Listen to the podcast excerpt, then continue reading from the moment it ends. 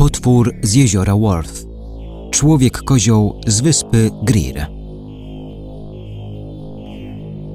Coś potwornego czai się pomiędzy śpiewającymi cykadami i szumiącymi trzcinami u brzegu zachodniego dorzecza rzeki Trinity. Zaobserwowana po raz pierwszy w lipcu 1969 roku istota znana jest z rzucania oponami i straszenia nastolatków. Prawdziwe lub zmyślone, stworzenie według zeznań świadków przypominało częściowo człowieka, częściowo kozła, z rogami i długimi pazurami. Latem 1969 roku rozpisywała się o nim prasa, a hrabstwo Tarant opanował szał poszukiwań potwora. Nazwano go potworem z jeziora Worth. Przy ogniskach w północnym Teksasie również i dziś można usłyszeć historię o tym potworze, zwanym także człowiekiem kozłem. Badacze kręcili filmy dokumentalne i pisali książki. Przedsiębiorstwo Lakewood Brewing oddało nawet hołd stworzeniu, wypuszczając limitowaną edycję piwa Goatman. Historie i folklor wciąż istnieją, mówi Michelle Villafranca, specjalistka w dziedzinie źródeł przyrodniczych w schronisku i centrum przyrodniczym w Fort Worth. Świętując rocznicę pierwszej relacji o potworze, Villafranca każdego roku w październiku organizuje otrzęsiny potwora z jeziora Worth. Poza pracą związaną z zarządzaniem obszarem parku, stała się również kolekcjonerką wszelkich eksponatów związanych z potworami. Na parapecie jej biura stoi pusta butelka po Sierra Nevada Bigfoot Ale. W jej bibliotece, obok przewodników po lokalnych ssakach, stoi książka poświęcona potworowi z jeziora Worth. Mamy formularze dostosowane do składania raportów o obserwacjach aligatorów. Nie mamy formularzy dotyczących człowieka kozła. Może powinniśmy zacząć zbierać takie relacje, mówi Villafranca. W końcu stanowi on część fauny północno-centralnego Teksasu. Lato 1969. Lato w hrabstwie Tarant było gorące i wilgotne.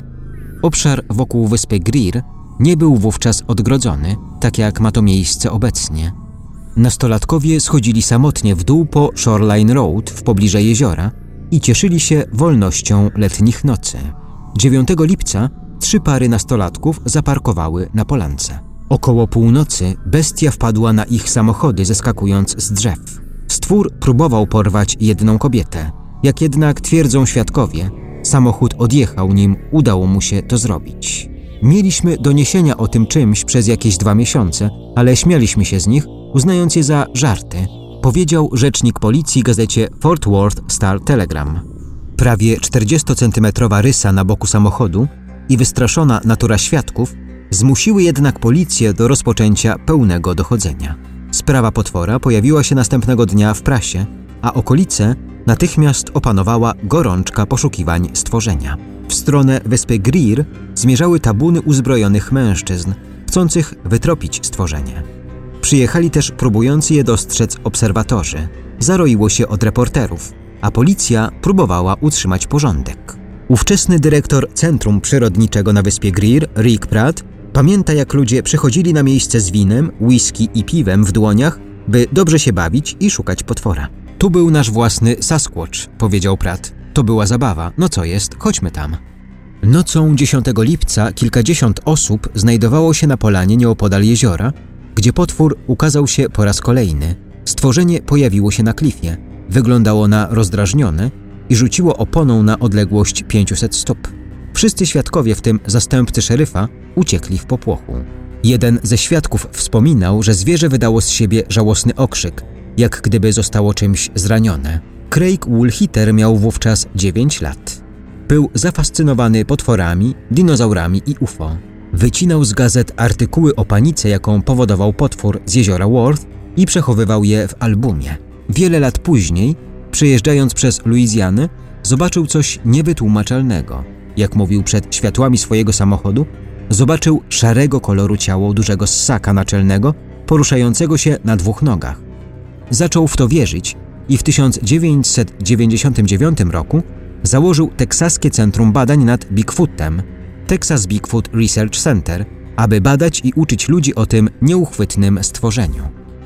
Dziś Craig Woolhitter mieszka w Mansfield i prowadzi bloga o tematyce kryptozoologicznej. Uważa, że potwór z jeziora Wolf naprawdę istnieje. podobnie jak inne zagadkowe zwierzęta widywane na obszarze całych Stanów Zjednoczonych, które upodobały sobie jakieś określone miejsce ze względu na dobre warunki do przetrwania. Jeśli idzie o mnie, to uważam, że jest to nieodkryty jeszcze i nieskatalogowany gatunek ssaka naczelnego, poruszającego się na dwóch nogach, mówi Woolhitter. Relacja reportera. Z podaniami i potworami jest pewien problem, trudno udowodnić ich istnienie. Następna historia jest jednak absolutnie prawdziwa. To było lato 1999 roku, gdy byłem w Fort Worth na polu kempingowym u brzegu rzeki Trinity tuż przy jeziorze Worth. Jednego dnia wieczorem weszliśmy pomiędzy drzewa, które rzucały długie błękitne cienie, gdy komary wbijały się nam w kostki i łokcie. Poszliśmy na polanę, na której zarządcy kempingu urządzili sobie małe ognisko.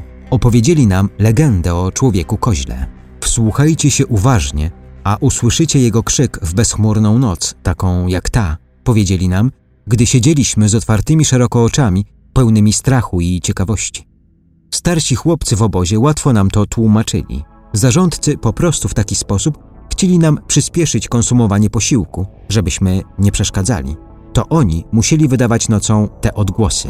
Poszliśmy z powrotem do naszego kempingu, ledwie dysząc przez wilgotne i gorące powietrze. Wiedziałem, że historyjki o człowieku koźle miały być tylko historyjkami. Tamtej nocy, gdy już wszedłem do śpiwora, nasłuchując odgłosów cykad dobiegających z zewnątrz, usłyszałem coś nienaturalnego, pełne żalu beczenie, dochodzące daleko z drugiego końca jeziora. Niewątpliwie odgłos, wydawany przez samotnego potwora. Ów głos brzmiał smutno.